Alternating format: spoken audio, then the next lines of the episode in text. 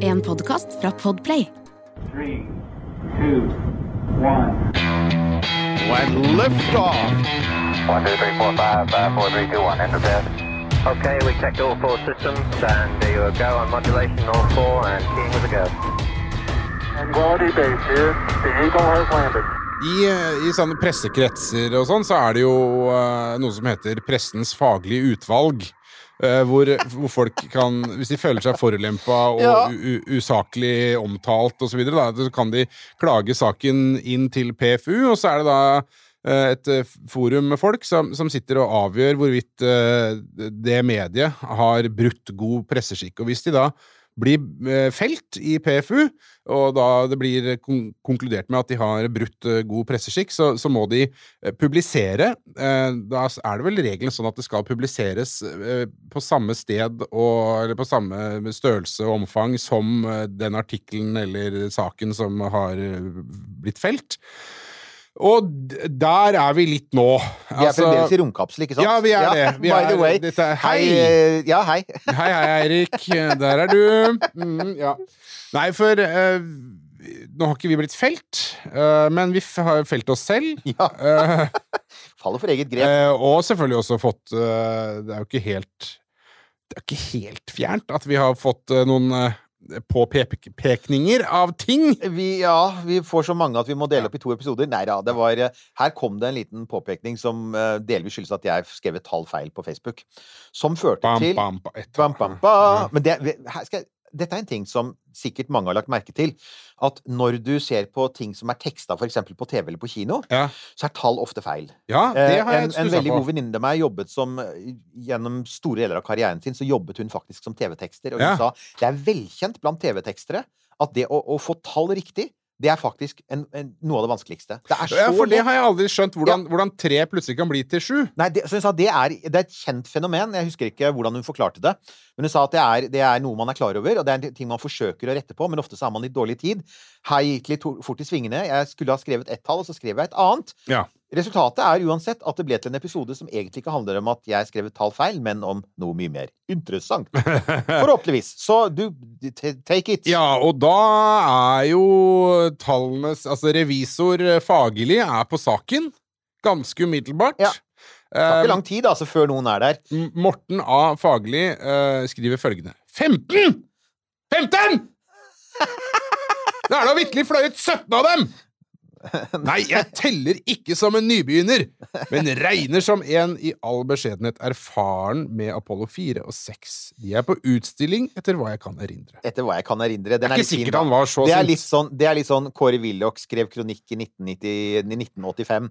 Uh, Jeg erindrer! jeg erindrer. Uh, det er positivt Da galt, fru Brundtland. Ja, så, altså, så, så er det, eh, det Det det handlet om, var at jeg hadde skrevet at vi snakket om 15 Apollo-kapsler i vår oppsummering av USA. Ja.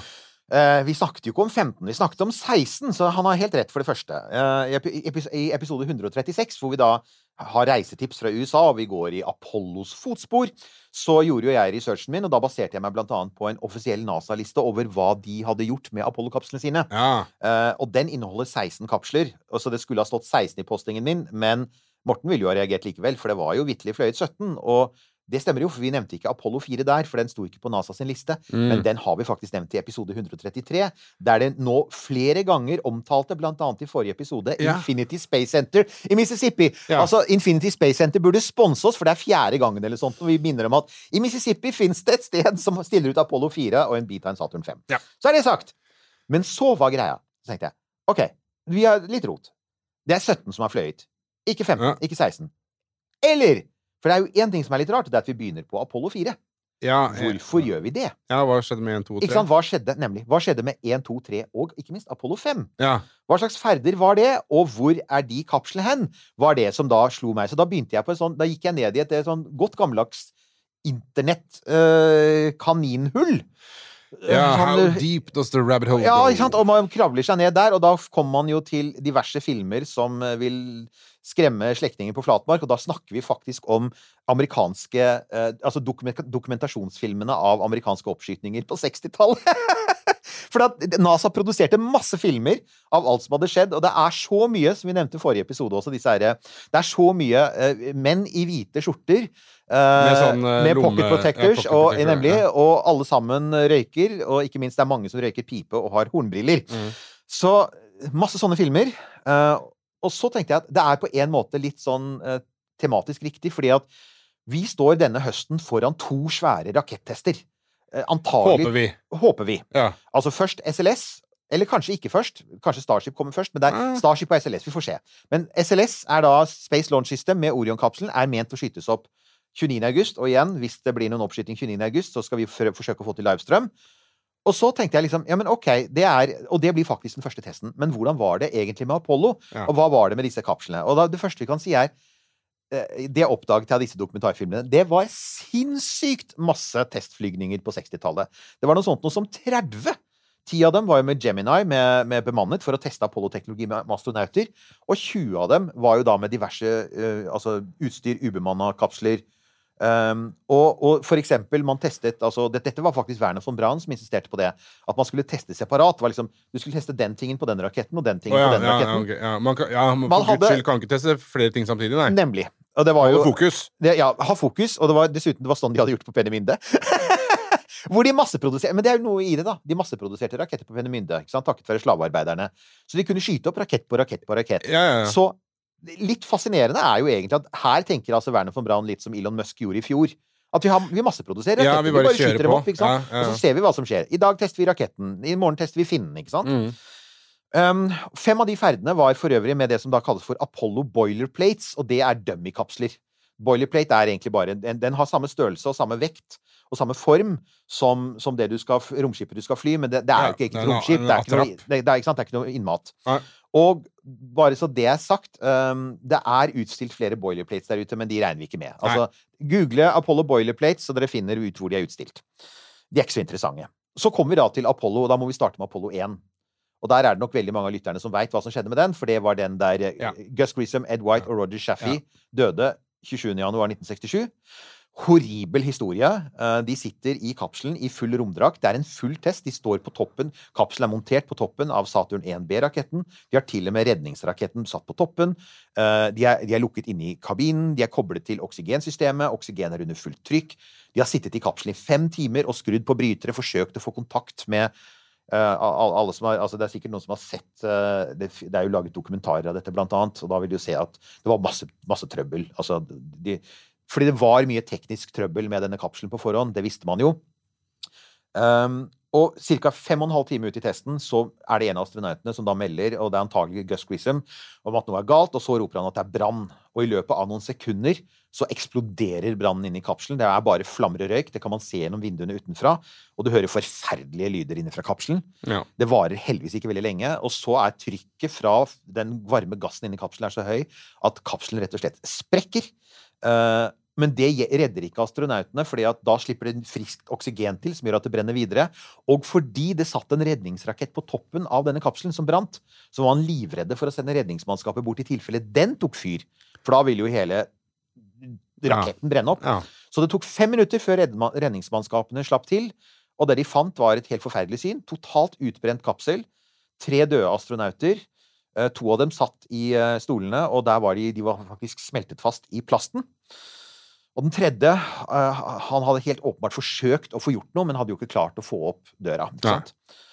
Dette var kjempesjokk for, for USA, så det ble nedsatt en granskingskommisjon, og NASA ble faktisk satt til å granske seg selv. Som uh, man ofte gjør i sånne Som man ofte gjør i denne bransjen, og. NASA Mm. sa da at vi lover å være, vi lover å være nøytrale. NASA, Forsvaret og politiet skal ofte granske seg Ja. selv. Ja. Og president Johnson lot dem gjøre det. eh, og det de oppdaget, var at det var en gnist som hadde utløst hele greia. Eh, og den gnisten den ble til en brann veldig fort, fordi at det var rent oksygen. For Apollo brukte en ren oksygenatmosfære. Ren oksygen under høyt trykk, så, så så å si alt brenner. Og for sikkerhets skyld så var innmaten i kapselen var stort sett av brennbart materiale. Så slår det meg nå da at eh, NASA har jo en litt sånn uheldig historie når det gjelder med akkurat dette her med rent oksygen og gnister. Ja. Eh, for spol eh, framover noen år til nummer 13, så er det Ja. jo akkurat det samme som Så skjer det igjen. Helt riktig. Så dette, her er, så dette her er rett og slett Ikke sant? Og, og så var det jo også sånn at denne luken den lot seg ikke åpne, for at uh, luken i denne Apollo 1-versjonen var basert på samme prinsippet som dørene i, i passasjerfly, med at døra er litt større enn en, en åpningen. Så det vil si at når trykket settes på inne, så presses den mot åpningen. Og da får du den ikke opp hvis trykket er høyt nok. Og det var jo kjempehøyt trykk pga. brannen, så det var umulig å åpne døra. Og det fantes en ventil som kunne lette på trykket og slippe ut gassen, men den var altfor liten til å slippe ut den varme gassen. Og det man også oppdaget, var at astronautene døde av eh, karbonmonoksid, kullosforgiftning. Ja. De døde ikke av brannskader, og de var, de var relativt uskadde, mens kapselen var, var helt ødelagt. Ja. Så man fant dødsårsaken. Det var en gnist på- noe isolasjon som var, altså, Det var en gnist i noe isolasjonsmateriale som var bart. Og så dukker da spørsmålet opp. Men vent nå litt. Isolasjonsmaterialet Isolasjonsmateriale i, en, i altså det som var USAs stolthet, et program som hadde kostet milliarder av dollar, og så, hadde det, så var det altså en, en, en frynsete ledning. For det første, åssen gikk det an? For det andre, hvordan i alle dager kunne kapselen være full av brennbart materiale? For det tredje, hvordan, hvem i all verden sto på beslutningen om å lage en luke som ikke kunne åpnes på noen sekunder? Og det er da Kongressen stepper inn for fullt, da. For Kongressen var jo ikke fornøyd med dette, så de satte ned eh, sine egne høringer, og da dukket jo opp mye mer. Og da viste det seg jo for det første kapselen var proppfull av feil. Altså det var hundrevis av tekniske feil da den ble levert. Eh, ting som ikke fungerte, kommunikasjoner, igjen frynsete ledninger. Det var blitt bedt om at man skulle bytte ut interiøret med, med materiale som ikke var brennbart. Det hadde NASA utviklet. Det var ikke gjort. Og astronautene hadde klaget på dette fra eh, eh, kapselen ble levert eh, en god stund i forveien. Og de, det, det finnes faktisk et bilde, det ligger på Wikipedia-siden om Apollo 1, som viser de tre astronautene som sitter med foldede hender rundt en modell av Apollo 1, og så sier de da De sender til han som var ansvarlig for Apollo i NASA, John Shay, tror jeg han het, og de sier sånn Hei, John. eh, vi stoler på deg, altså, men vi ber også om hjelp fra høyere makter. Men, men uh, dette her er jo Vi har jo snakka om det her tidligere, for dette her vitner jo litt om en sånn gung-ho-mentalitet eh, som råda på det tidspunktet. De gjør det, som, og som varte helt inn i romferiealderen, dessverre. Og, og, og hvor det var, hvor det var eh, Altså, det skjer jo noe, vil jeg tro, med mentaliteten når man har liksom, testpiloter som skal eh, være mannskap Ja. her, og, og måte De har et eller annet sted akseptert at det er en ganske høy risiko for at uh, nettopp altså, Eller i hvert fall noe sånt noe kan skje, da. At man kan ende med å dø her. Eh, Men så er det jo et eller annet med at det er ikke dermed sagt at man ikke skal være nøyaktig og på sånn due diligence, da. Nei. De som bygger ting, og som liksom skal, skal stå for arbeidet her. Litt, eh, litt rart, men eh, ja, jeg skjønner det. Altså- er, er det så nøye? ja? Det, det, er ingen tvil om at NASA hadde en dårlig kultur for det da, og det gjaldt jo ikke bare Apollo-kapselen. Det fins et annet kjent eksempel. Er jo, de hadde jo en simulator som de satt i mesteparten av tiden. En Apollo-kapselsimulator. Og Den var jo så dårlig og så uh, utdatert i forhold til den ekte kapselen at Gus Grissom hang jo en sitron foran den. Og du, altså Jeg er jo ikke så vel bevandret i eksplosjonsmotorrelaterte transportmidler, men det er jo du. Så hva, hva betyr en sitron på amerikansk bilspråk, for å si det sånn? Ja, you buy a lemon? Ja, nemlig, Ja, ikke sant? Ja, ikke sant? Det Så det er var- en bil som ikke virker. Det var, ja da, og, og det man etter hvert fokuserte på i Kongressen, var jo produsenten North American Aviation, som hadde slurva. Og var, De hadde kommet mange klager på dem. De bygde også andretrinnet på Saturn 5, og det var problemer med den nå.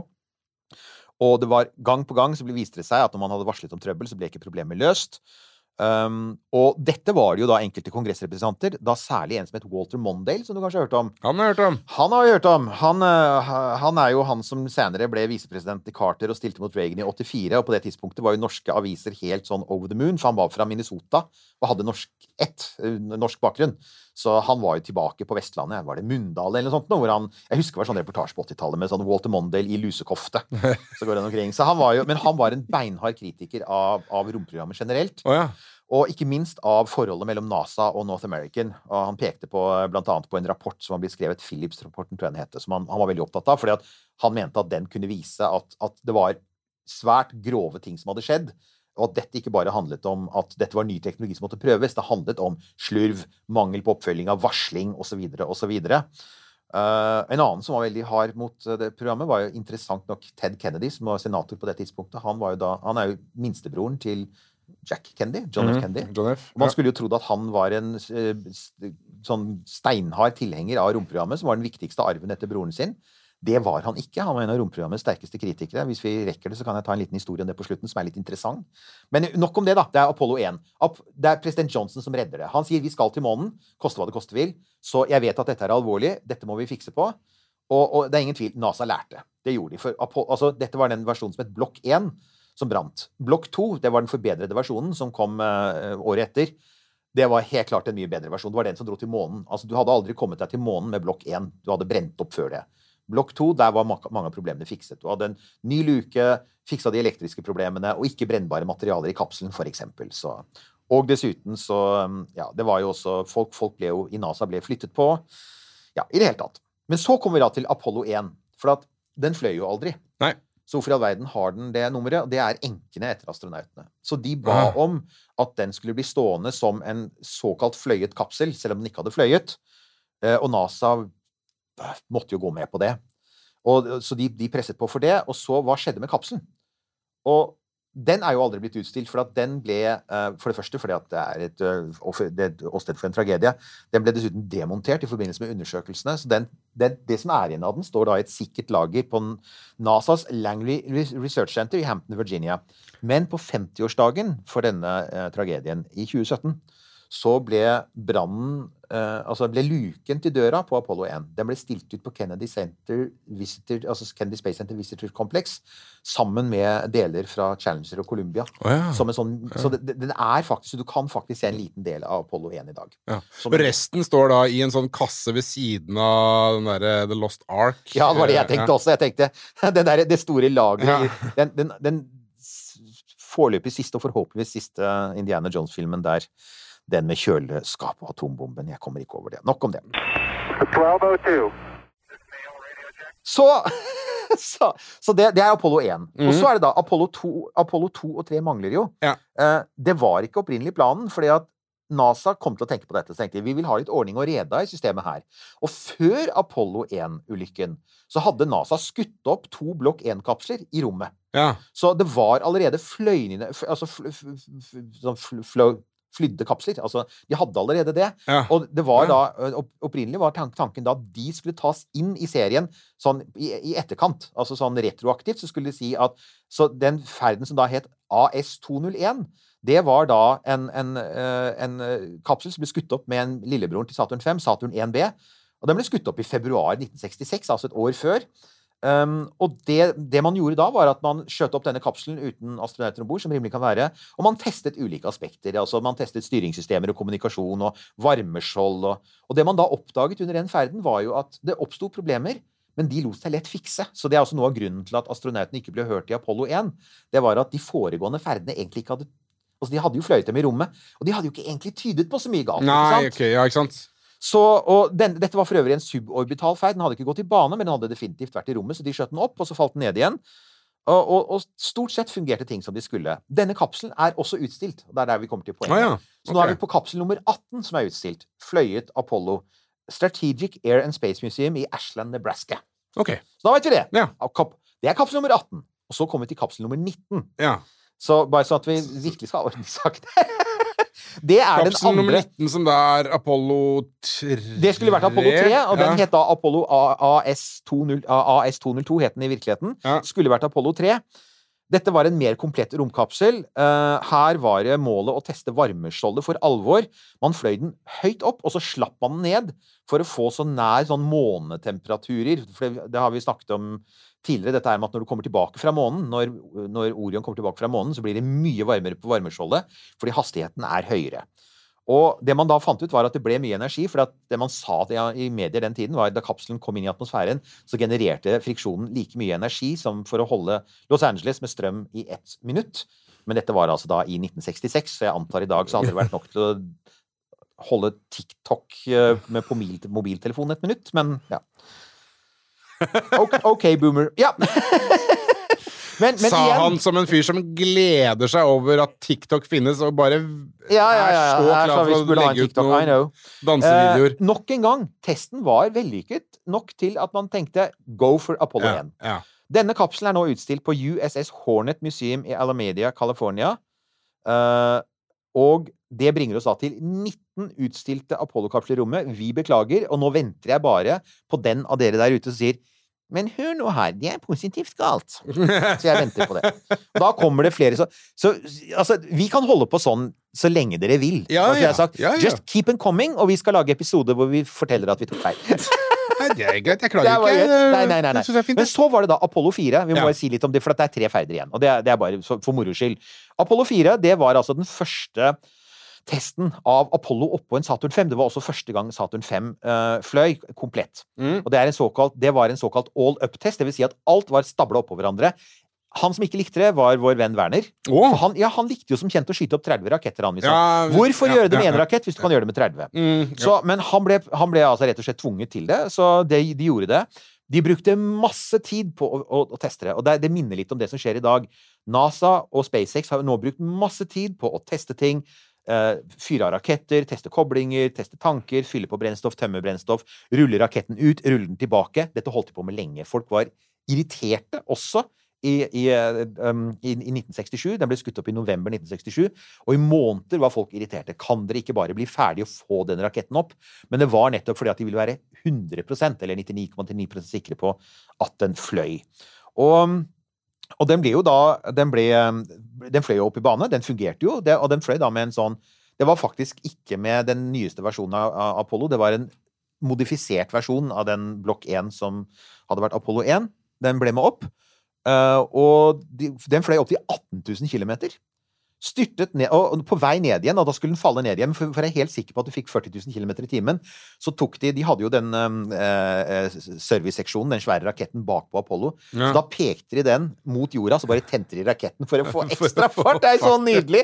Ah, jeg, vet, det, det for, altså, jeg liker 60-tallet. Det, det er den biten jeg liker ved 60-tallet. Det var sånn det, det, no, no, no shits given, liksom. Det er så bra.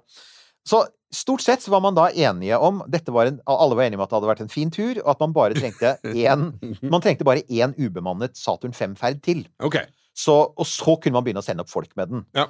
Uh, men, men her altså med, med SLS er jo NASA enda mer radikale. De trenger bare én, de trenger ikke to. For her, nå velger de å teste mange ting samtidig. Ja, det gjør man. Mm. Ikke sant? Det er akkurat det. Apollo 5, der var det ingen romkapsel, for at det man testet her, var månelandingsfartøyet. Så det var en Saturn 1B, en liten rakett, som skjøt opp eh, bare månelandingsfartøyet, ikke noen Wow. Apollo-kapsel. Wow. Og det var bare for å teste at månelandingsfartøymotorene faktisk fungerte i verdensrommet også. Ja. Som er litt bra. Ja, ja, De hadde fungert på bakken, men det er bra. Igjen, det var en sånn relativt De hadde noen problemer. Kan, kan jeg bare, kan jeg bare uh, En ting som slår meg der, at det, det er sånne ting som virker ganske sånn banalt. Mm. Altså Ja, ja, vi har sjekka at denne, denne rakettmotoren virker. Ja, her?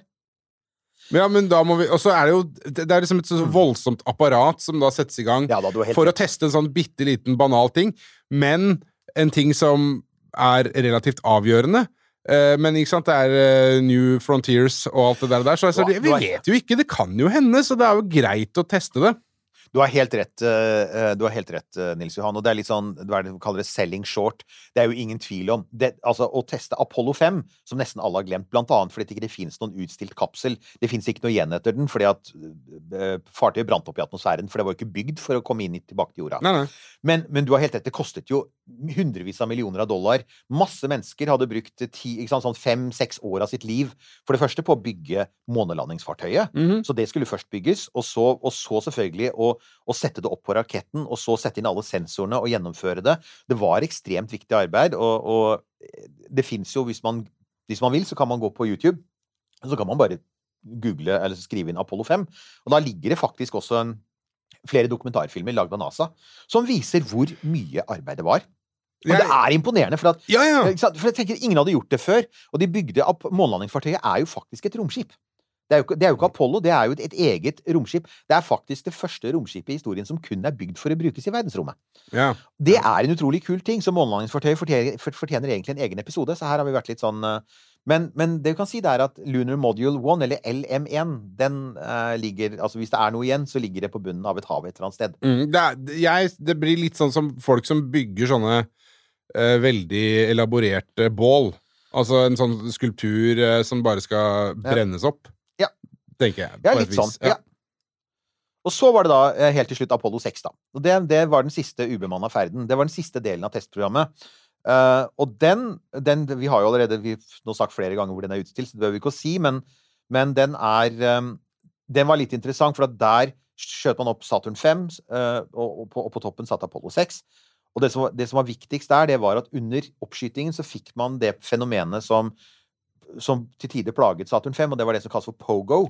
Ja, det så jeg om i denne dokumentaren om Ja. eh, 13 Things Pogo på er en Apollo ting, 13. og pogo ja. er, altså, pogo er som pogo-stick, altså Ja. hoppe, hoppe sånn stav. Ja. Og, og det er fordi at det, det oppstår vibrasjoner i lengderetningen, så det vil si at den faktisk er som en sånn hoppestav. Det er, um, og, og det, eh, det er rett og slett fordi at disse svære motorene i første trinnet, F1-motorene, de brant ikke helt jevnt. Det var faktisk altså ujevn brenning eh, var et problem som disse motorene strevde med hele tiden. Og, og det satte opp noen svingninger, og da ble det Det, det satte opp sånne, sånne stående svingninger som i et orgelrør. For det var jo et langt rør. Det var jo det Saturn 5 var. Mm. Et kjempelangt rør. Så da, da ble det noen sånne stående bølger i det, som da utløste pogo.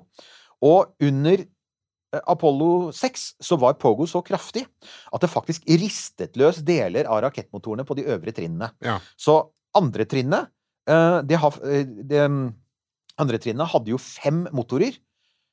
Der ble en av motorene så skadet at den måtte, den måtte skrus av. Den stoppet, og, altså de måtte skru den av. Og den var koblet til en nabomotor, så da ble den også skrudd av. Men den klarte allikevel å komme seg opp i rommet med bare tre motorer, fordi de bare brant den kraftigere og litt lengre. Mye lengre. Og så, da tredjetrinnet, som jo er det som skal eh, sende astronautene til månen, da det da skulle starte opp igjen, det klarte å komme seg opp i rommet, så skulle det startes en gang til for å sende kapselen opp i retning av månen. Så klarte den altså faktisk eh, Den klarte ikke det. Oi! For da, da svikta motoren, og da var det igjen en del som var rista løs. Og så måtte man bare gjennomføre det som i praksis var en kopi av Apollo 4-ferden. Man måtte bare snu og dra tilbake til jorda igjen, istedenfor å fly enda lenger opp mot månen. Apollo 6 var utvilsomt en fiasko i den forstand at målene ble ikke nådd. Uh, grunnen til at Og man tenkte liksom OK, en, uh, altså en, nok en fiasko for NASA hadde jo ikke vært en god ting. Eh, en diger Saturn 6. altså Dette er jo måneraketten. Måneraketten svikter under oppskyting. altså Den falt jo ikke ned. Den gjorde jobben sin. Det var en fantastisk rakett. Den kom seg opp, men den kom seg jo ikke opp på noen, på noen, på noen god måte. Det druknet i nyhetsbildet i USA på den tidspunktet. For det var, det ble, Apollo 6 ble skutt opp samme dag som Martin Luther King ble skutt i Memphis, Tennessee. Ah, okay. Så du ja. kan si at amerikanske aviser var, og TV var opptatt av noe helt annet. Ja. Så de fløy faktisk helt under radaren. Ja. Internt i NASA så ble det jo en prosess på dette, og det de var enige om, det var at at uh, dette fikk være altså For det første måtte de gjøre noe med Pogo, og det gjorde de. de Ja, de gjorde noe med det til den grad at de kanskje gjorde det litt bedre, men det var jo fremdeles et, eh, fremdeles et tema, problem. som varte gjennom hele Helt riktig. Det, du hører stadig at Apollo-astronauter nevner det. Og, og det, også for dem så ble det opplevd som at altså, du blir hele tiden slengt framover og så tilbake. Altså, Ja, ja. i stolen. Så det var veldig ubehagelig.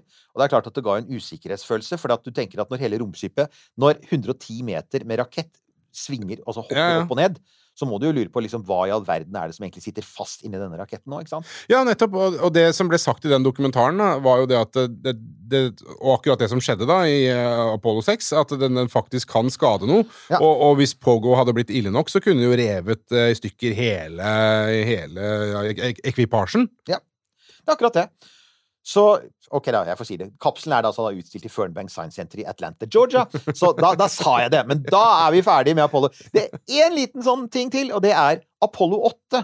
Den har vi jo snakket om veldig tidlig i eh, denne podkasten. Ja. De som dro til månen. Ja, og tok noen Eh, bilder. Og tok bilder. Ja. Og hele den pakka der. Og julebudskapet. Det var en julesending.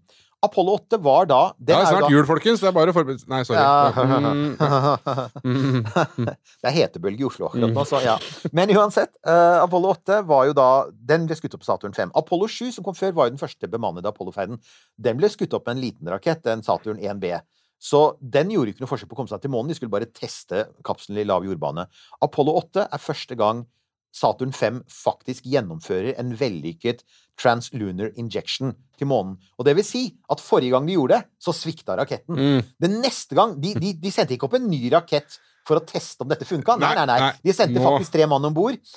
Det, Det gikk gærent. Vi veit hva som gikk gærent. Nå Ja, får det stå til. og det, og det, det minnes jo om. Det var jo en av eh, Jeg tror det var kona til Frank Borman som hadde jo, hadde jo spurt en NASA-representant om hva sjansen var for at de ville overleve. Han sa 50% og nå veit du litt hvorfor. Blant annet fordi at man hadde aldri sendt noen til månen med translunar injection før. Og hvis det hadde svikta så, altså Hvis den motoren hadde svikta, så kunne dette endt på veldig mange kreative måter. Så, så det bare viser hvor villige amerikanerne, hvor vilje villige NASA var til å ta sjanser. Når de da, altså med såkalt human rating, som det heter nå, med at de sier at jo, denne raketten er nå klar til å sende opp mennesker. Mm -hmm. uh, Ish. De, de, mennesker ish, ikke sant? Ja. Test nummer én vellykket. Test nummer to egentlig helt katastrofe. Ja. Det, det eneste som ikke skjedde, var at den eksploderte, men ellers var alt feil. Test nummer tre la oss sende av gårde folk. Ja, Ikke sant? kom igjen. Få det på. Og vi sender dem til månen for sikkerhets skyld, så at Ja. vi er helt sikre på at hvis noe går galt, så kommer de ikke tilbake. Ja. Og da kommer vi til det som er sluttpoenget her, som er hvordan er det altså Hvis du tenker på at nå er vi, vi er midt inne i dette testprogrammet, for det er der vi er nå, folkens. Vi er enda ikke folk på Mars, vi er enda ikke folk på månen, vi er inne i testfasen. Den er litt kjedelig og kjip, jeg er enig i det, for at foreløpig skal det bare sendes opp ubemanna eh, raketter. Altså først eh, sannsynligvis Orion og SLS, og så Starship. Og de skal være eh, med Starship så skal det antagelig være flere, mange oppskytninger, før, før det blir noe folk. Så, så hvordan er denne testfasen? Og da er det igjen da at med, med Sammenligner f.eks. SLS og Orion med Apollo. Apollo 30 flighter, ikke sant? Her er det altså gjennomført én testflight med Orion på en, eh, på en uh, liten rakett i 2014, og to sånne aborttester av redningssystemet. Det er det. 2014. SLS aldri vært fløyet før. Uh, og da kan man si, men hvordan i all verden kan NASA gjøre det? Og da, jeg tror noe av det viktigste er å huske på, er selvfølgelig Takket være det svære testprogrammet på 60-tallet, så vet NASA veldig mye om hvordan de bygger raketter. De, de, veldig mye av det de lærte da, tar de jo med seg. Og så er det dette som vi har snakket om før, det er veldig mye gjenbruk av romferjeteknologi. Ja. Du trenger ikke Altså, romferjemotorene uh, um, Nei, På 60-tallet så var det grunnforskning. Ja, Og da var det litt sånn ja, vi må sjekke om denne raketten også virker i verdensrommet. Eh, nå vet vi at uh, et konsept som dette vil virke i verdensrommet. Og, et, og, de, og de hadde så mye problemer Altså, var, altså, alt måtte jo testes på 60-tallet. En av mine favoritthistorier fra den fasen, det var fra denne testfasen tidlig på 60-tallet. Det var, de, jo, de brukte jo datamaskiner til å styre eh, rakettene på vei opp, og de hadde jo datamaskiner om bord i rakettene. Og på Cape så hadde de da installert en ny, jeg tror det var en ny IBM-maskin, men den hadde en eller annen mystisk feil ikke helt klarte å finne ut av. sånn at den hadde en, variant av Husker du år 2000-feilen? Med at alle datamaskiner skulle svikte i år Mhm, 2000? ja. ja. Jeg var- jeg- Y2K. ja, ja, jeg feiret nyttårs, eh, det nyttårsskiftet i Paris. Vi sto og så på fyrverkeri. Vi sto, og så på fyrverkeri på Eiffeltårnet. Jeg lurte på om all strømmen skulle gå av, husker jeg. Det gikk fint. Ja, det gjorde det. det. De hadde tilsvarende problem på 60-tallet på Cape, og det var en datamaskin som skrudde seg av hver natt ved midnatt. De kalte den for Askepott-maskinen, for at den It turned into a pumpkin at midnight. Det er så innmari bra! Men det hadde de å streve med, og det Ja. gjør vi jo ikke nå. Så alle disse problemene av den typen er nå løst. Romferjeteknologi kjenner man godt til, så, så man, man veit at motorene kommer til å funke. og Derfor så har de nøyd seg med å teste alt på bakken. Og så kommer det en liten ting til, og det er selvfølgelig at uh, det er bare et begrensa antall SLS-raketter. Disse rakettene er veldig dyre, de har bare fått budsjett til noen få. Så de har ikke råd til å gjennomføre f.eks. to eller tre tester.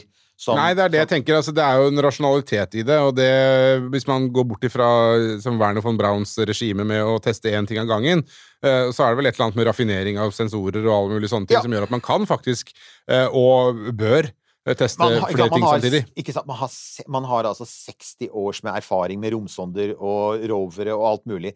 Vi kan så mye om å gjøre ting i rommet nå at det er mye vi nå bare kan ta for gitt. På samme måte som at hvis du skal, hvis du skal designe en ny bil i dag, så er selvfølgelig 99% av det som skal i den, er allerede kjent. Det er, du kan modifisere det, men det er ikke sånn at du må gjennomføre noen ny grunnforskning for å liksom bygge en motor, liksom. Så, de, de, så, så at SLS og Orion antagelig vil funke som de skal, det virker ganske innlysende. Så er jo da spørsmålet den andre store raketten. De har jo et annet problem, og det er der er det ikke gjenbruk. Der er hele poenget at all teknologi er splitter ny. Ja. Rakettmotoren, Ja. eh, vingene, Ja. landingsmetoden, den Ja. derre flippen på slutten. Alt er splitter nytt. Og det betyr at SpaceX på sett og vis er der hvor Altså, Elon Musk og SpaceX er der hvor, hvor NASA og Werner von Braun var sånn rundt 1961-62, med at de skal begynne å skyte opp ting. Og ingenting har vært fløyet før. Og det vil dukke opp ting underveis, og derfor kan du ikke ta noe for gitt. Du kan simulere mye, og de har selvfølgelig de har jo gjennomført mange flere simuleringer. eh, masse datasimuleringer og slike ting. Og disse, men disse korte flightene fra i fjor gir Det var en test på at du kunne falle gjennom atmosfæren, og at du kunne gjøre, gjøre flippen. Men det aller meste av det som skal testes, er ennå ikke testet. Og det må da denne første testflighten Nå har jeg sagt ordet test mange ganger.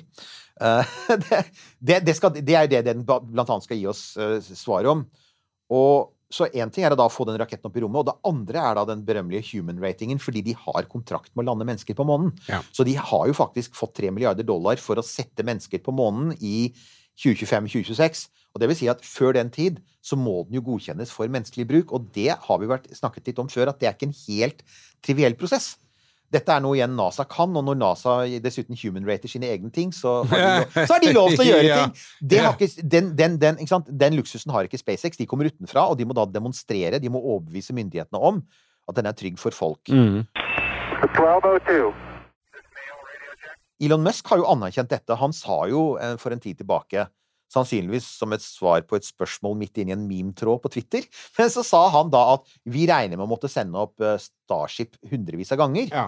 eh, Relativt vellykket for at før vi får en godkjenning. Blir det hektisk, da, hvis de skal rekke å sette folk på månen i 26? Ja, og da jeg så det tallet, så tenkte jeg det, det tror jeg når jeg ser det.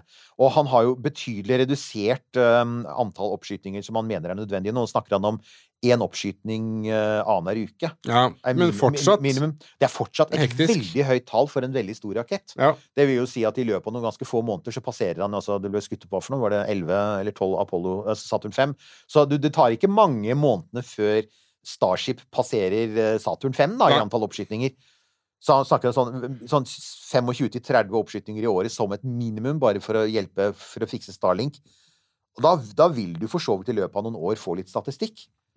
Men det forutsetter jo da at ingenting går galt. Eh, ja. For det forutsetter jo en relativt prikkfri, relativt problemfri Hvis dette er et system som liksom sånn, er sånn i startfasen, og du lykkes første gangen, og andre gangen så eksploderer første trinnet, eller tredje gangen så faller andre trinnet ned og brenner opp i atmosfæren Altså, Det hjelper ikke på den human-ratinga. nei, og det er det Så det er sånn 50-50 Ikke sant? Det, det er det som bekymrer meg litt, for at NASA trengte, altså NASA trengte mye tid på 60-tallet med tross alt masse penger og noen av verdens beste ingeniører, og ikke minst romnazister. De trengte, eh, de trengte ganske mange år på å finne ut av en helt ny teknologi, og selv om det er en del som er likt, så er det veldig mye som er nytt her, så jeg lurer litt på det. Man sier jo det at det, har vært fremstilt som et sånt kappløp, ikke sant? Altså at de ligger egentlig ganske litt sånn nekk i nekk. Hvem kommer først? Men det er jo ikke egentlig det, for det NASA skal gjøre, er å sende en allerede typegodkjent romkapsel til månen. Eh, den har allerede vært oppe i jordbane, så det, det kan de. Den er, altså, Orion er vel allerede human-rated, og SLS kan bli human-rated veldig fort, kanskje allerede i høst. Og da er de klare for å sende ting til månen. Ingen av disse tingene kan Starship gjøre. Hvis de klarer å skyte opp denne raketten i høst, da, så har de demonstrert at den kan komme opp i lav jordbane. Ja. Som nummer én ikke er månen, og som nummer to ikke er human rating i det hele tatt. Så i virkeligheten så er det, er det sånn Teknologiske gapet er litt større, altså. Jo, ja, og i tillegg så har du jo alle de andre tinga som skal skje, da, når de vel er oppe, og Ja, de må fuelinga og alt det greiene der, Ja, sånn, som, som aldri har blitt gjort før. Aldri har blitt gjort før. Alle disse tingene. Så det er, det er mye. Ja. Så, så jeg sier Starship er jo den som har det store potensialet. Jeg hadde ligget våken om natta.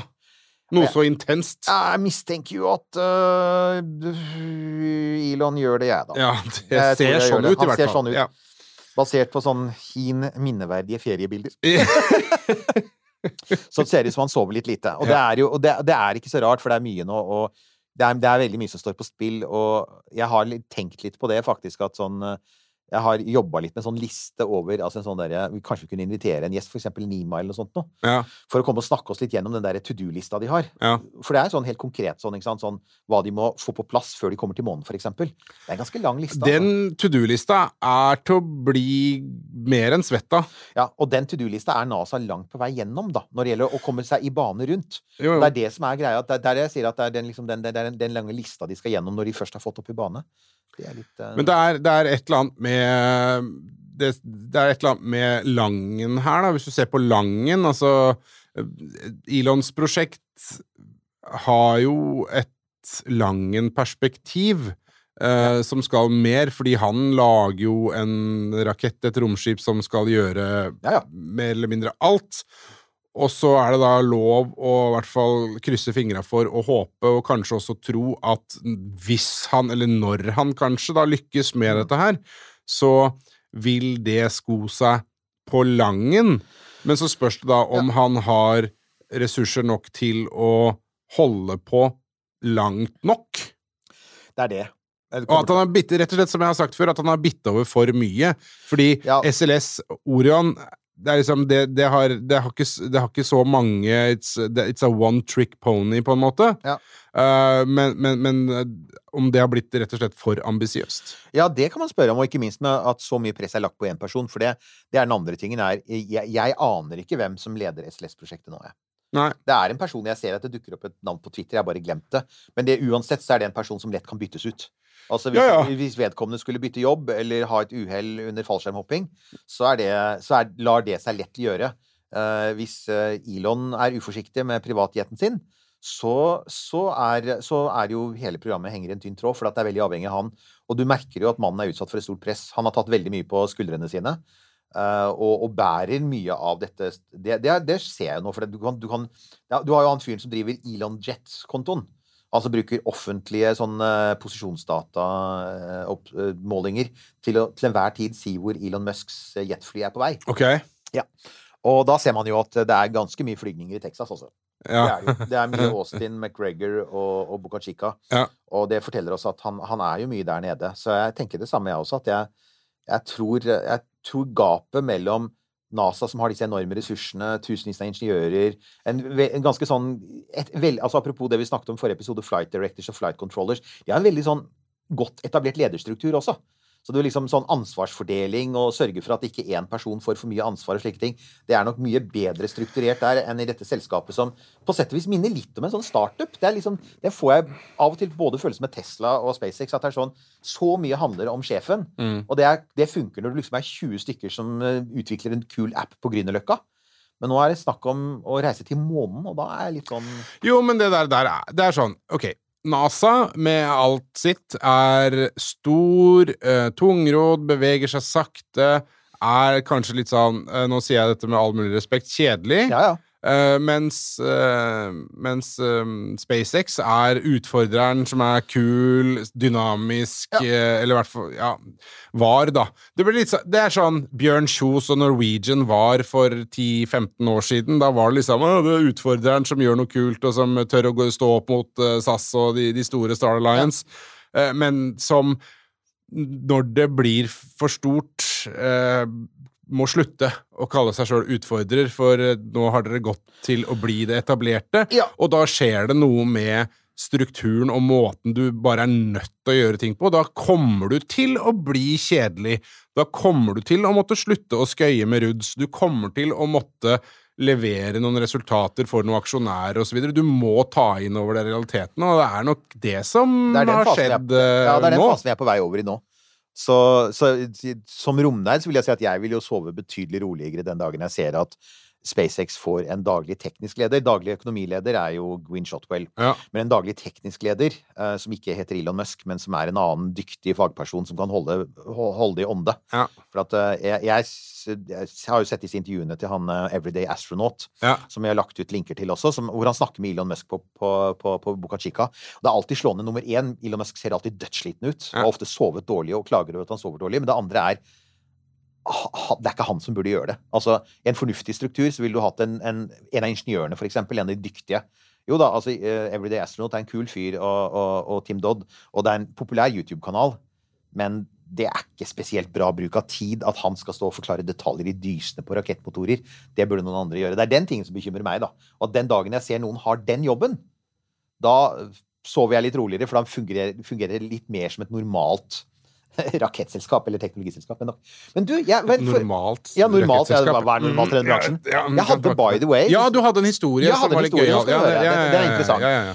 Eh, hvis dere har hengt med så lenge, skal dere få en liten sånn godbit helt på tampen, som er litt, litt malapropos, men som går direkte på, på romfart likevel. Og det er Jeg nevnte jo at det var, det var mange i USA som var veldig motstandere av testprogrammet til Ja. Werner von Braun. Ja.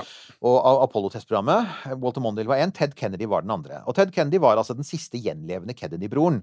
Eh, Den eldste, han, eh, han het vel Joe eh, jr., han var blitt drept under krigen under, i et fly.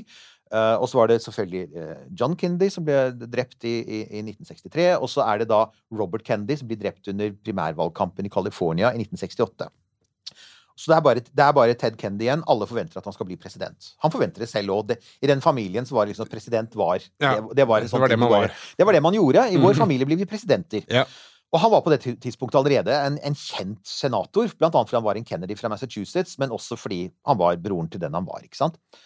Han var en sterk, sterk, sterk kritiker av eh, romprogrammet, og eh, i 1969, eh, i forbindelse med at du skulle skyte opp Apollo 11, så, så, så liksom sånn tar en, folk fra NASA, pressefolk fra NASA, tar eh, mot til seg, så sier de, du vet hva, vi må snakke med vi, vi, må, vi må ta en telefon til til Ted Kennedy. Fordi nå skal vi skyte opp raketten som flyr ene og alene pga. hans storebrors eh, innsats. Dette er kanskje den viktigste arven etter John F. Kennedy, er månelandingen. Og vi vil gjerne involvere Ted Kennedy i denne prosessen. Så de ringer til, eh, tar kontakt med Ted Kennedy og sier kunne du tenke deg å være med på opplegget rundt månelandingen. Altså, det er oppskyting 16.07.1969. Eh, landing 20. juli, og det er mye som skal skje i mellomtiden. Kunne tenke deg å være involvert som en representant for familien Kennedy. Og han svarer da at jeg ser ikke på månelandingene som en viktig del, en viktig del av min brors eh, ettermæle. Og der kan jeg si Ted at der tror du feil, for det er det folk husker han for i dag.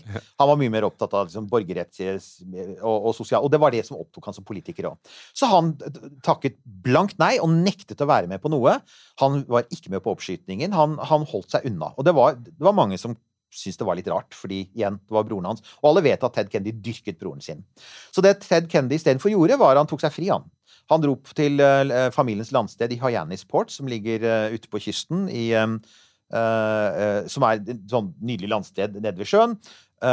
Og, der driver de og seiler og drikker og spiller amerikansk fotball. Og så deltok han i en regatta, og 18. juli 1969 så har det, har det vært ute og seilt hele dagen, og så skal de holde et selskap for noen damer som pleide å jobbe for broren hans, Robert Kennedy, året før. og så blir det en del drikking. Og så er det en av disse damene Hun skal kjøres til en ferje. For dette er en øy som heter Chappaquiddick. Uh, og da er det sikkert noen bjeller som ringer allerede. Chappaquiddick-øya. Hun skal kjøres til en ferje for å komme seg inn til fastlandet.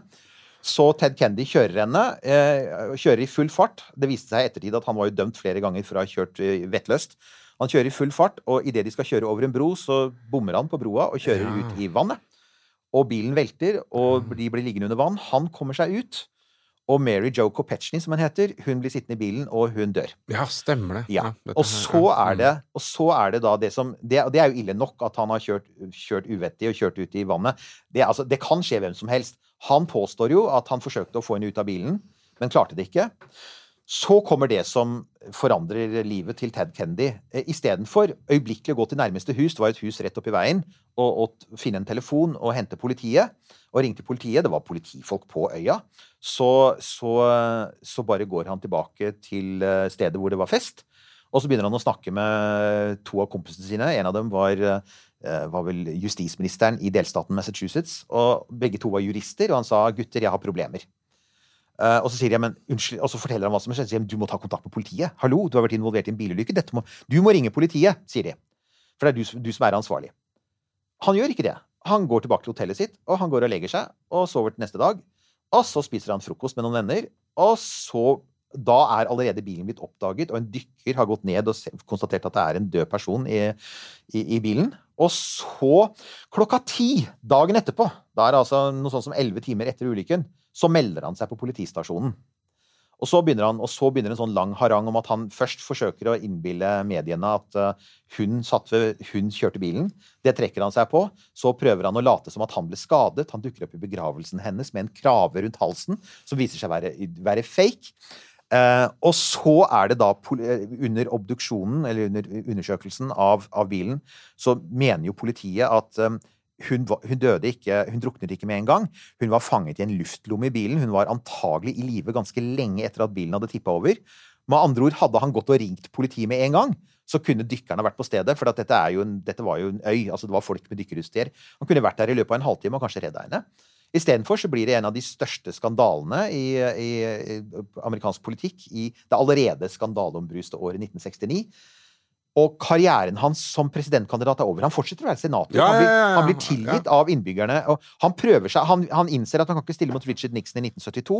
Han vurderer å gjøre det i 1976, men minnet om Chappaquiddick og Mary Jo Kopechny, som han i praksis etterlot Og han blir dømt for å ha etterlatt en person i en trafikkulykke. Det er det han blir dømt for. Ikke noe annet. Uh, han blir dømt for det, men, men minnet om det gjør at han, når han prøver seg igjen i 1980, så, så dukker det opp, så begynner selvfølgelig republikanerne å gjøre et poeng av det med en gang så han er ferdig som president. Så Ted Kandidat. Mulig President, Presidentkandidat. Ja. I, i TV-serien som vi liker å nevne av og til, uh, For All Mankind, så overlever Mary Jo Kopechny faktisk, og Ted Kendy blir president i 1972. Uh, han blir da, så Det er faktisk i en alternativ historie så blir han faktisk president. Og han hadde utvilsomt hatt kapasitet til å bli president, men den ulykken den ødela alt. Og da kommer vi tilbake til det som er romfartsrelatert. Hva om Ted Kennedy hadde sagt ja til NASA? Da hadde ikke det skjedd. Hva om han hadde sagt ja, jeg er med på oppskytingen? Jo da, jeg er med på cocktailpartys og holder noen foredrag og stiller på TV. Det er klart jeg skal ikke ta ferie. Dette er jo den store greie. Dette er målet for det min bror har gjort. Jeg stiller opp for NASA, og jeg stiller opp Jeg er på Cape, ikke sant? Da hadde han aldri vært i den bilen 18. juli, to dager før må månelandingene. Jeg laget en ganske fin liten film faktisk om det, en sånn, som dokumenterer Chapper Quiddick og hvor ille det var. Og det de har gjort, er at de har kryssklippet uh, lyder fra månelandingene.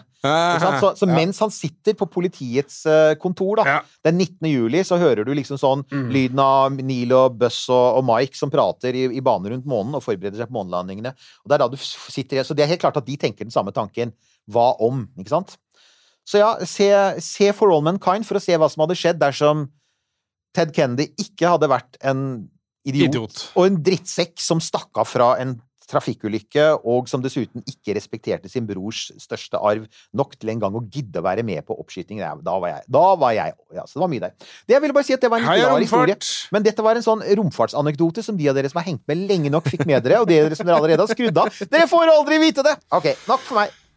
Ja, men vi bare slutter der, vi tenker. Det, det blir en stund til det blir Neste gang, folkens, skal vi prøve å være mer aktuelle. Men da, da kommer det meget, kan det meget fort komme til å handle om nye måneraketter eller noe annet. Du har hørt en podkast fra Podplay. En enklere måte å høre podkast på.